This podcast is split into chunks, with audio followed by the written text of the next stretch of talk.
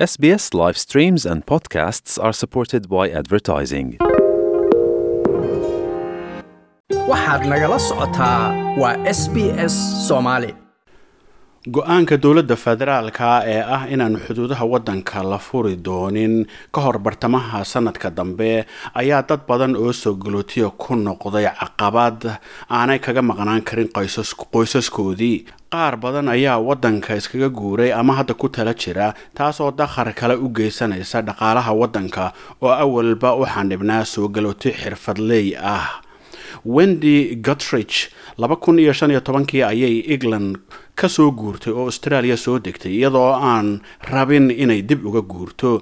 Haweeneydan shan iyo afartan jirka ahi waxay xeer ilaaliyo u ahayd r s p c da victoria iyadoo laba kun iyo labaatankiina qaadatay shahaadada wadananimada laakiin xidhitaankan xuduudaha wadankeeda cusub ayaa ku noqday iyadoo xabsi ku jirta oo kale I really felt quite isolated. Runtii waxaan dareemay go-doon.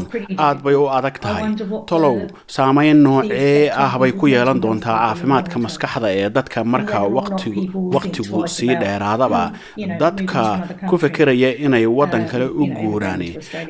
Ma ka laba qalbiyeyn doonaan inay australia u soo guuraan haddii ay maxbuus ku noqonayaan? taasi waa sida aan dareemay. waxaan dareemay inaan go-doonsanahay ayay tidhi.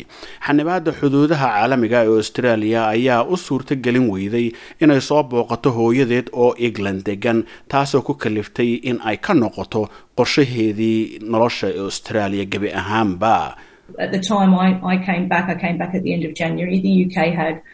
Markii aan soo laabtay janaayo dhammaadkeedii u k waxaa ka dhacayay toddobaatan kun oo keesoo cusub maalin kasta iyo in ka badan kun dhimasho oo maalin kasta taasoo rabitaankaaga inaad qoyskaagii aragto ku soo jiidanayo. Waxay sheegtay in xayiraada dowladda ee safaradu australia uu australia nacsiiyey oo inkastoo citizenship haysato laga yaaba inaanay dibba ugu soo laabanin I would have sung Australia's praises to everybody and said, you know, this is a great place to live. qof kasta ammaanta australia ayaan u sheegi lahaa oon ku odhan lahaa halkani waa meel aada u wanaagsan oo lagu noolaado. Dowladduna way wacan tahay. Laakiin aad bay ii niyad jabisay waayo waxaan ku fekerayay malaha sidaasba uma wacna ma jirto qadarin loo sameeyey dadka aad dadka aada ugu baahan inay arkaan qoyskoodii kolba dib uunbay u sii dhigayaan ayay tidhi. Haweeney kale oo la yidhaahdo britney lee oo shan sano ka hor ninkeeda ula soo guurtay beth ayaa iyaduna xamili weyday inay qoyskeedii oo maraykanka degan ka maqnaato muddadaa dheer waxayna tidhi sidan iima fiicnayn. Markaan daacad u hadlo sannadkii tegay wuxuu ii ahaa kii ugu xumaa caafimaadka maskaxdayda.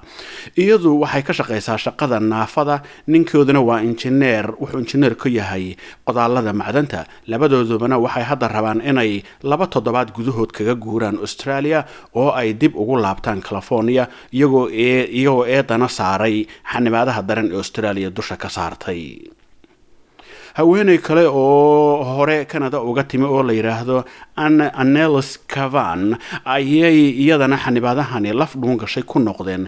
Kadib markii ay ku kulmeen cunugoodii koowaad oo ay dhashay iyo iyadoo aan u dhoofi karin qoyskoodii. Aada iyo aad bay xaaladayda caafimaad u xumaatay bay tidhi gaar ahaan markii aan wiilkayga max dhalay oo aanan haysanin qoys ii wehelyeela sidii aan rajaynayay lamaanahani waxay deganayeen gold coast laga soo bilaabo march tobankii laakiin iyaguna waxay hadda qorsheynayaan inay australia iskaga guuraan.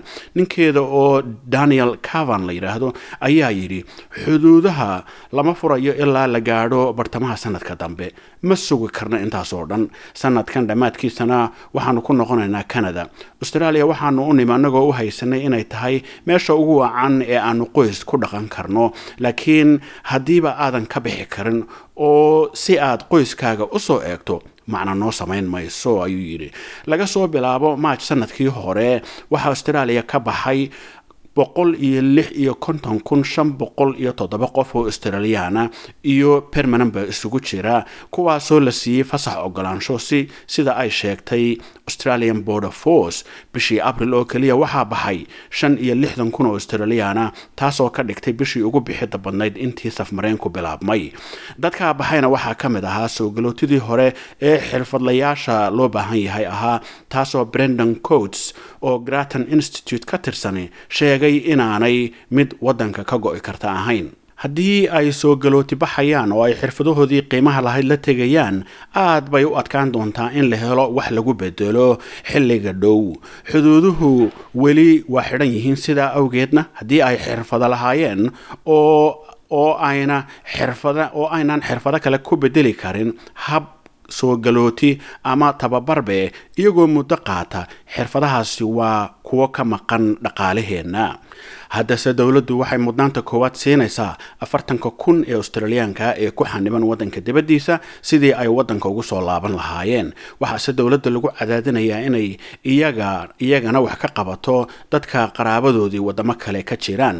Tirakoobkii laba kun iyo lix iyo tobankii ayaa lagu ogaaday in ku dhowaad kala badh dadka australia ay ama ku dhasheen waddan kale ama ugu yaraan mid labadooda waalid ahi ku dhashay carla wilshire oo ah maamulaha sare ee migration council of australia ayaa sheegtay in isbeddel deg deg ah loo baahan yahay. Isu keenidda qoysasku waa in waa in la siiyo mudnaan. waa inaynu eegno fiisayaasha qoyska gaar ahaan meeshii ay nuglaani ama waajibaad daryeel ka dhex jiro qoyska. xaqiiqda tahriibta casriga ahi waa mid aan deganayn. marka aad waddan u guurto filitaanku waxa weeye inaad qoyskaagii xilli xilli u arki doonto alaaba sannadkii hal mar ama saddex ilaa afar jeer sannadkii sidaa awgeed inaadan qoyskaagii arkin waqti dheer waa miisaan culus. Marka la eegayo soo galootida degta ayay tiri toddobaatan kun oo saxeex ayaa senator nick mckim oo xisbiga greenska ahi. Horgeyn doona baarlamanka australia labada toddobaada soo socda isagoo ku baaqaya in dowladdu u fasaxdo waalidiinta soogeli oo waalidiintu soo geli karaan waddanka hadda waxaynu ku jirnaa bishii shan iyo tobnaad ee safmareenka iyadoon la ogeyn meeluu ku dhammaan doono. runtii waa in dowladdu si deg dega dib u eegtaa maamulidda xuduudaha oo dhan si aanay u sii socon xaqiraadaha wadaniyiinta australia kala kulmeen ayuu yidhi ma doonaysaa sheekooyinkan oo kale. Ka dhegayso apple podcast google podcast spotify ama meel kasta oo aad bodkastigaaga ka hesho